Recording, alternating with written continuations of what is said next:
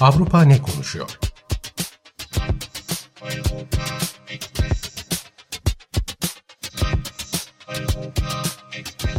Avrupa medyasından yorumlar.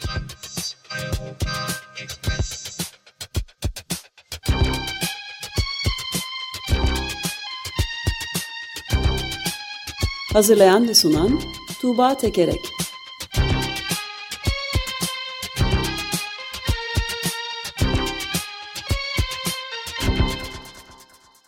Günaydın Tuğba, merhabalar.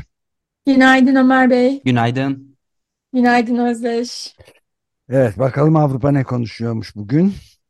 Ee, Avrupa ne konuşuyor da Eurotopics bültenlerinden derlediğim yorumlarda, haberlerde e, İtalya'da bir anarşistin açlık grevinden bahsedeceğim.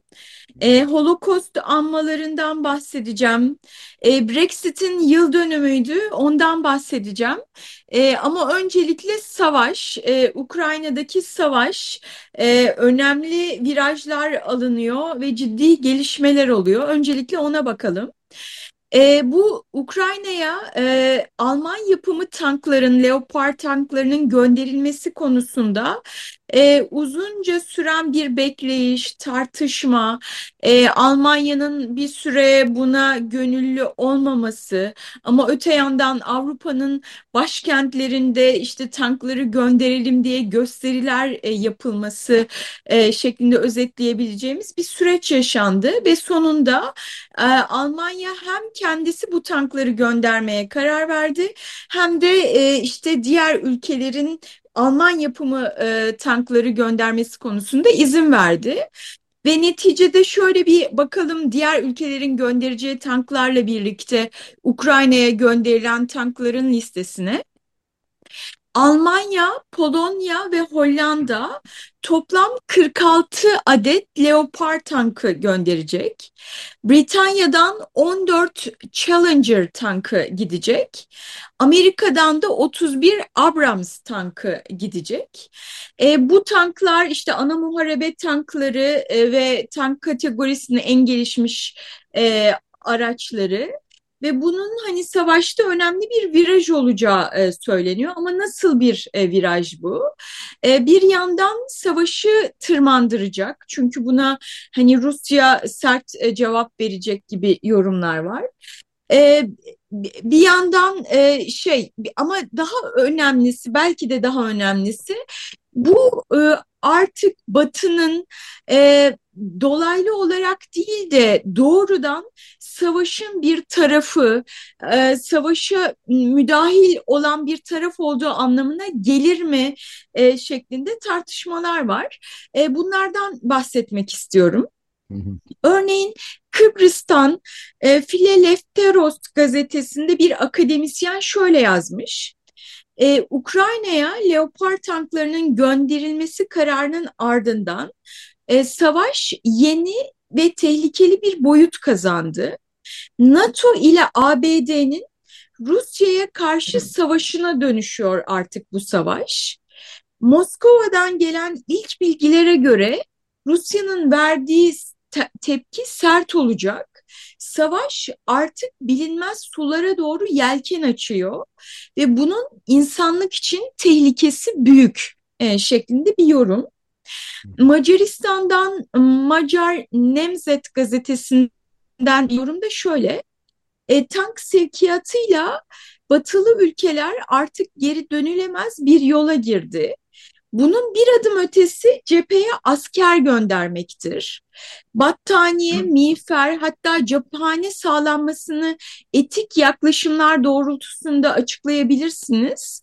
Ancak tanklar açık bir ultimatom anlamına e, geliyor demiş bu yorumcu da. E, ve bir de bütün bunların aslında ekonomik bir boyutu da var. E, Slovenya'dan Delo gazetesindeki köşe yazarı da buna dikkat çekmiş. Silah ise ellerini ovuşturuyor. Batı Rusya'nın Ukrayna'da askeri bakımdan yenilmesi gerektiğine dair tutumunu sürdürdüğü müddetçe silah endüstrisi yetişebileceğinden daha fazla sipariş alacaktır e, diyor. Yani genel olarak yani bu tank meselesi e, Batı'yı savaşın doğrudan bir parçası yaptı şeklinde e, yorumlar var. Bir de nereden nereye geldik ve nereye gidiyoruz e, konusunda Jyllands Posten Danimarka'dan e, bir gazetedeki yorumcu şöyle diyor. E, beklendiği üzere yeni tartışma konusu hemen açıldı. Ukrayna Batı'nın savaş uçaklarından da istiyor. Savaşın ilk yılı geride kalmak üzereyken e, Batı'nın Ukrayna'ya sunduğu destek dramatik şekilde değişti. Almanya 5000 kask göndererek başlamıştı işe. Şimdi tank sevk ediyor. Bu böyle sürer gider diyor. Yani biraz e, bu savaşın e, tırmanışı konusunda tehlikeye dikkat çekmeye çalışan yorumcular var diyebiliriz Avrupa'da.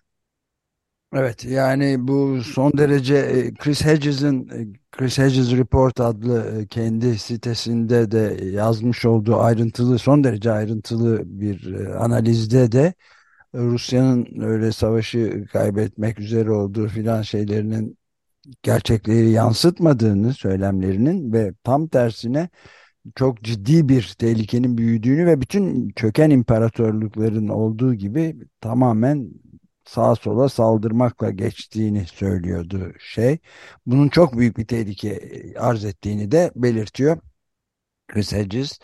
Şu anda da mesela buna ilaveten şeyi de söyleyebiliriz. Senin biraz önce aktardığın yoruma ek olarak e, e, şeyin e, Ukrayna'nın savunma bakanı Oleksiy Reznikov Guardian gazetesindeki yeni haberde e, Rusya'nın büyük bir saldırıya geçeceğini ilk yılın birinci yıl dönümünde savaşın ve 500 bin asker mobilize edildiğini, seferber edildiğini söylüyor ve tabii kendisi de hemen e, yeni silahlar da gönderin demiş. Uçak da istiyor. Bu konuda ilginç. Hatta hatırlayacaksınızdır Ukrayna Savunma Bakanı'ydı yanlış hatırlamıyorsam. Bütün silah şirketlerine e, silahlarınızı bize gönderin sahada deneyelim diye yani böyle herhalde evet, insanlık aynı aynı geçecek. aynı kişi işte Oleksiy Reznikov. Evet, o, o Çok, söylemişti evet. Bu Fransa'da yaptığı konuşmada üstelik bunları söylemiş yani. E, yeni silaha ihtiyacımız var gönderin diyor. Nükleer bile gönderin demeye getiriyor. Çok son derece tuhaf bir durum. Can, Jonathan Cook'un da geçtiğimiz hafta böyle bir yazısı çıkmıştı. Bu silahlanma meselesi çok tehlikeli bir yere gidiyor diye. Yine Code Pink'ten savaş karşıtı iki aktivist ve akademisyenin yazısı e, vardı. Onlarsa e, aslında diplomatik çözüm mümkün. Bunun için ama NATO'nun yani Ukrayna'nın yapabileceği bir şey yok. Çünkü Rusya'nın temel derdi aslında Ukrayna değil.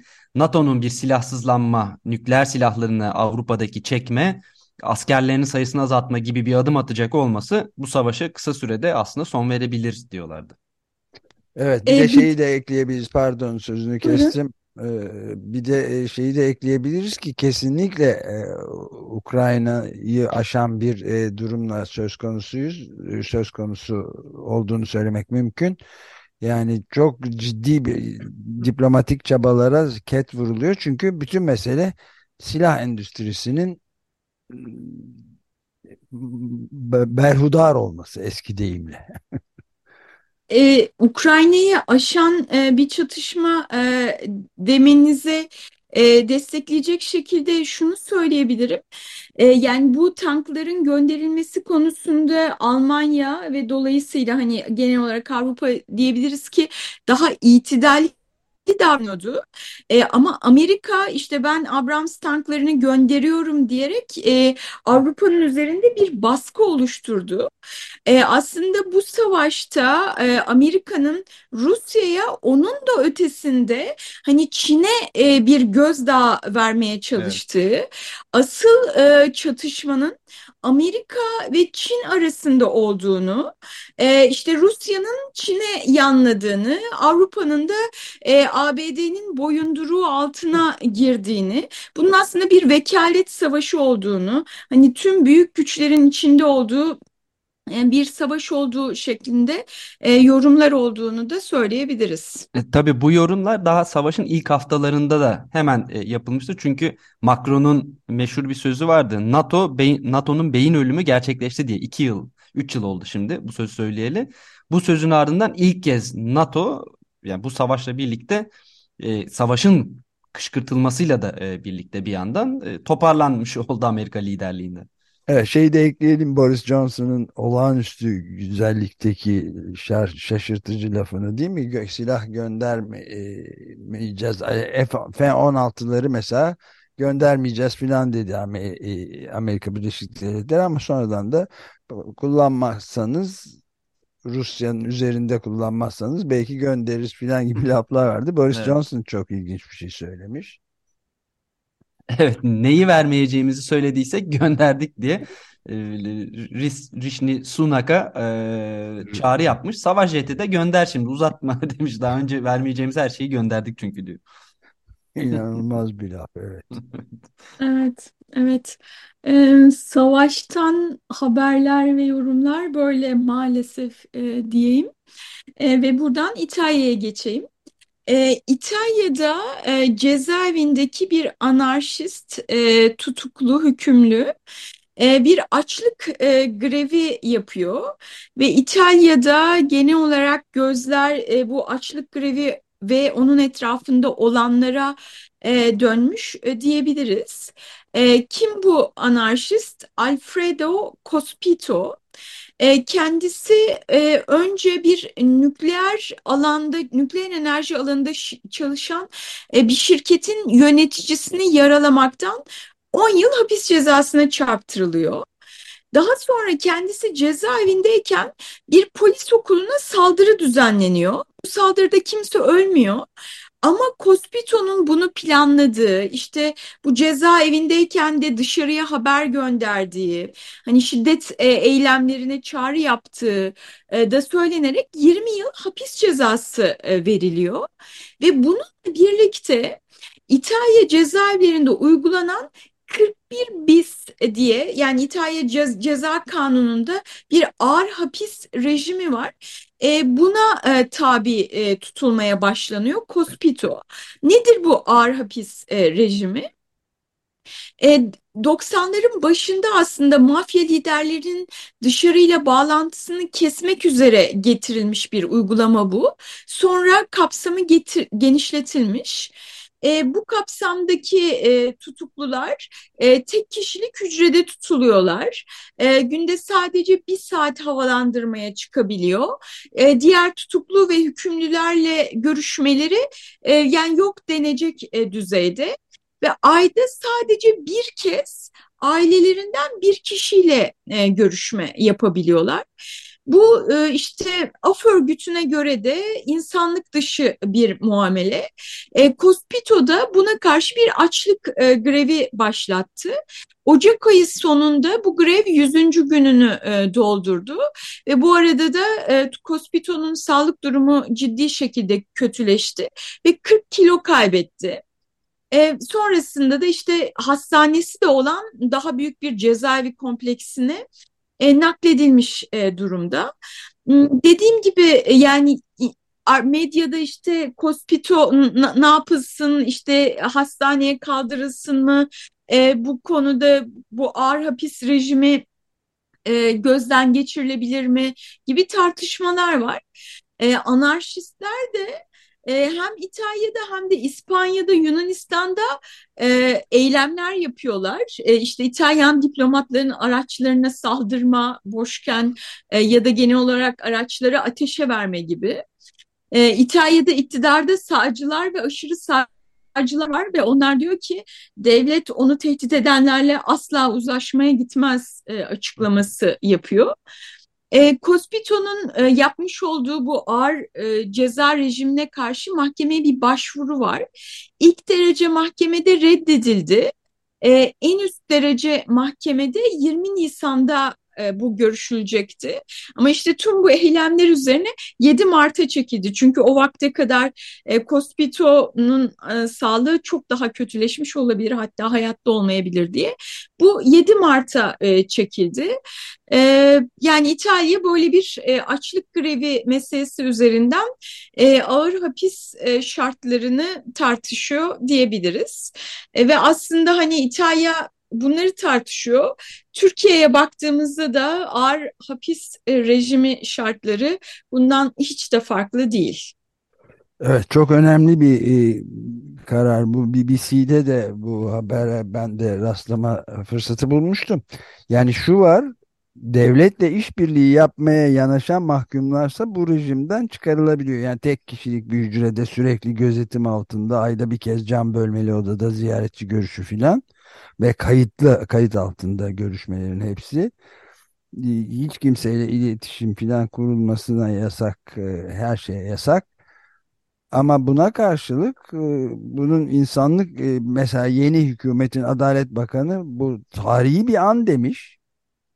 Bu 41 bis denen şeyin vazgeçilmez olduğunu ve korunması gerektiğini düşünüyorum demiş. Adalet Bakanı çok adaletçi bir insan.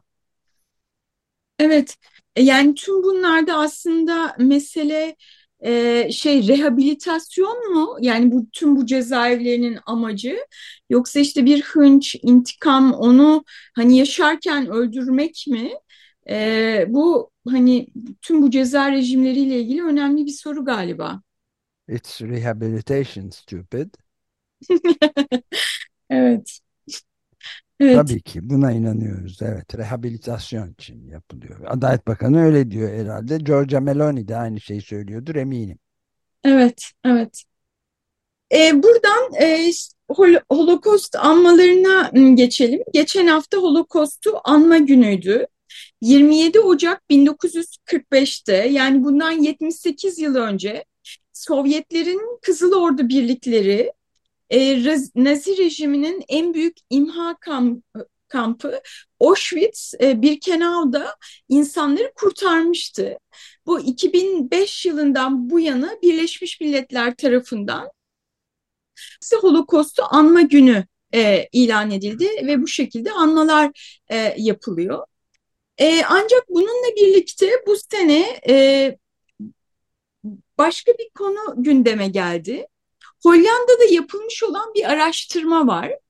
Araştırmaya göre 40 yaşın altındakilerin yüzde 23'ü Holocaust'un bir efsane olduğunu ya da ciddi şekilde abartılan bir olay olduğunu e, söylüyorlar. Ve ayrıca e, Hol, e, Hollanda'da yaşayanların yine 40 yaşın altındakilerin yüzde 53'ü Hollanda'yı Holokost'un yaşandığı bir yer olarak görmüyor. E, Oysa ki İkinci Dünya Savaşı'ndan önce Hollanda'da 140 bin Yahudi yaşıyordu ve bunların 102 bini bu süreç içerisinde öldürüldü. Hollanda Anne Frank'in işte bu e, hatıra defteriyle ünlü e, e, Anne Frank'in de evinin olduğu yerdi. Hani Hollanda'da geçmişe dair e, böyle bir kayıtsızlık e, ya da bilgisizlik e, hali olması meselesi e, tartışıldı. Onu söyleyebilirim. E, bir de e, bu Holocaust'u anma gününde e, Türk Yahudi toplumunun haftalık gazetesi e, Shalom'dan da bir e, köşe yazısından bir parça aktarayım. Marcel Russo e, yazmış bunu. E, gettolar, ölüm kampları, toplu mezarlar, bir kültürün imhası, bir geleceğin silinmesidir bu. 27 Ocaklar yetmez, her gün anılmalı. Auschwitz'e seyir halindeki bir ölüm treninin havasız vagonunda kendi sonuna yollanan bir kişinin duygularını iliklerinizde hissetmezseniz, kendinizi namlunun ucunda tetiğin çekilmesini bekleyen bir canın yerine koymazsanız, benzer durumların tekrarlanmasına engel olamazsınız demiş e, Marcel Russo Shalom gazetesinde. E, gerçekten bir daha asla e, çerçevesinde e, yapılan tüm bu anmalar ya da o dehşetin hafızasını canlı tutma e, çabaları e, yavaş yavaş m, sönümleniyor ya da işte karşılık bulmuyor e, gibi görünüyor. E, üstelik hani bu ölüm kamplarından kurtulmuş az sayıdaki insanda artık e, onlar da birer birer yaşamlarını yitirirken e, bu tüm bu anmaların işte böyle kuru anmalara dönüşeceği ve aslında insanların zihinlerinde, kalplerinde bir karşılık bulmayacağı şeklinde yorumlar var. Evet yani gerçekliğin yer değiştirmesi konusunda son derece aşırı sağla ilgili başta Amerika Birleşik Devletleri'nde Trump yönetimiyle başlayan ve Cumhuriyetçi Parti'yi tamamen e, baş silah elde haline getiren bu yalanların durumu Hollanda'ya filan da yayılıyor. İşte yer değiştirme teorileri var, komplo teorileri filan. Yani bir yandan turistten geçilmiyor. Anne Frank'ın müzesi küçücük yer e, önceden haber vermek zorundasın yoksa giremiyorsun filan kalabalıktan dolayı. Bir yandan da hiç etkilemiyor. Onlar yer değiştirme teorisi var. Hollanda'da çiftçileri de ele geçirip e, Yahudi komplolarıyla bu iş mahvedilecek gibi yaygın teoriler de var. Çok acayip. Hatta Robert Draper'da bir kitap yazdı. Güven Güzeldere sayesinde elde ettik yani Weapons of Mass Delusion diye kitle e, yanıltma silahları diye ve Cumhuriyetçi Parti'nin nasıl kafayı yemiş olduğunu tamamen yalanlara batmış olduğunu gösteriyor. Son örnekler de ortada zaten işte bu ee, bir yandan kökenli milletvekili filan durumunda her şey yalan. Evet, yani bir yandan e, halk e, nezdinde yani geniş kitleler nezdinde böyle bir bilgisizlik ve kayıtsızlık olduğunu söyleyebiliriz. E, bir yandan da aslında e, işte e, pek çok aşırı sağcı e, siyasetçi de hani ciddi oylar alan siyasetçiler de hani soykırım e, inkarı yapıyorlar ve bunların işte ciddi destekleri oluyor. E, bunun son örneklerinden bir tanesi işte Fransa'da Cumhurbaşkanı adayı olan e, işte eski gazeteci Zemmour ödü mesela. Hani bu fikirlerin e, üst düzey siyasette de savunulduğunu ve ciddi şekilde destek gördüğünü de görüyoruz. Evet şimdi hatta Yunanistan'da da e, bu şeyler başlamış durumda. Mucizevi ilaç satıcıları falan başlamış durumda. Evet. Sağcılar da faşist. Evet. E, son olarak birkaç cümleyle de e, Brexit'ten e, bahsedeyim. 31 ee, Ocak 2020'de Birleşik Krallığın Avrupa Birliği'nden ayrılma süreci tamamlanmıştı. Artık 3 yıl oldu. Bazı gazeteciler, köşe yazarları Avrupa'da bu 3 yılın bilançosuna bakıyor. Ee, işte e, Britanya'da The Sun gazetesi gibi işte bu süreci destekleyen gazetenin yazarı işte e, Brüksel'in zincirlerinden kurtulduk e, ne güzel milyarlar tutarında yatırımlar e, yapıyoruz e, diyor e, ama bunu halka anlatamıyor e, mu muhafazakar hükümet daha fazla anlatılmalı diyor. E, öte yandan Hollanda'dan e, NRC Handelsblad gazetesinden e, bir yorum aktarayım. O süreci böyle görmemiş oradaki yorumcu. E, Britanya'da e, Avrupa bütçesine aktarılan milyonların e, Britanya sağlık hizmetlerine ayrılacağı vaadi yerine getirilmedi. E, vaat edildiği gibi krallığa yönelik göç azalmadı, aksine arttı e, Avrupa Birliği açısından da e, ticarette, savunmada, jeopolitikte ortak kaybedilmiş oldu ve Avrupa Birliği açısından da bilanço genel itibariyle olumsuz. Aslında Brexit'in tek bir olumlu sonucu oldu. Avrupa Birliği'nden ayrılma hevesi Avrupa kıta, kıtasında cazibesini genel olarak yitirdi e, demiş buradaki yorumcu. E, evet gerçekten hani o Brexit'ten sonra başka eksitler, eksitler olur mu falan deniyordu ama onlar hep e, sönüm, sönümlendi. E, son olarak da şey söyleyeyim. 2022 sonlarında UK in a Changing Europe diye bir düşünce kuruluşu bir şey yapmış, anket yapmış. Bu ankete göre e, Brexit meselesi Brit Britanyalıların önem atfettiği ilk 10 mesele arasında dahi yer almıyormuş. E, öyle gidiyor, görünüyor ki hani büyük tartışmaların gayet sancılı, karmaşık süreçlerin ardından hani Büyük Britanya Avrupa Birliği'nden ayrıldı, arkasını dönüp gitti ve şimdi de geriye bakmıyorlar. Hani geri dönelim mi falan diye de bir tartışma yok e, Britanya'da canlı bir şekilde.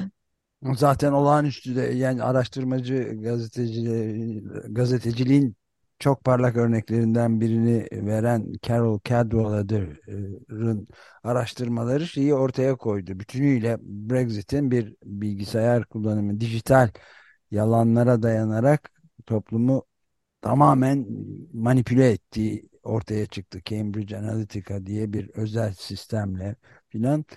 Onun için de hiçbir şeyden haberleri olmaması makuldür yani. Ee, herkes kendi yankı odasında e, yaşıyor. Hani sosyal medyada kendi düşüncesini besleyen e, gönderiler e, görüyor ve orada herhangi bir rahatsızlık yok diyorsunuz. Yok. Öyle anlıyorum. Evet, aynen öyle diyorum. Bu dijital çağ bana bunu düşündürüyor. Ben de bundan yanayım zaten. Tamam, tamam. Şimdi radyolarımızı kapatıp kendi sosyal medyalarımıza dönelim. Bu haftalık bu kadar diyorum ben Eurotopics'ten. Çok teşekkür ederiz. Görüşmek üzere. Görüşmek üzere. Hoşçakalın.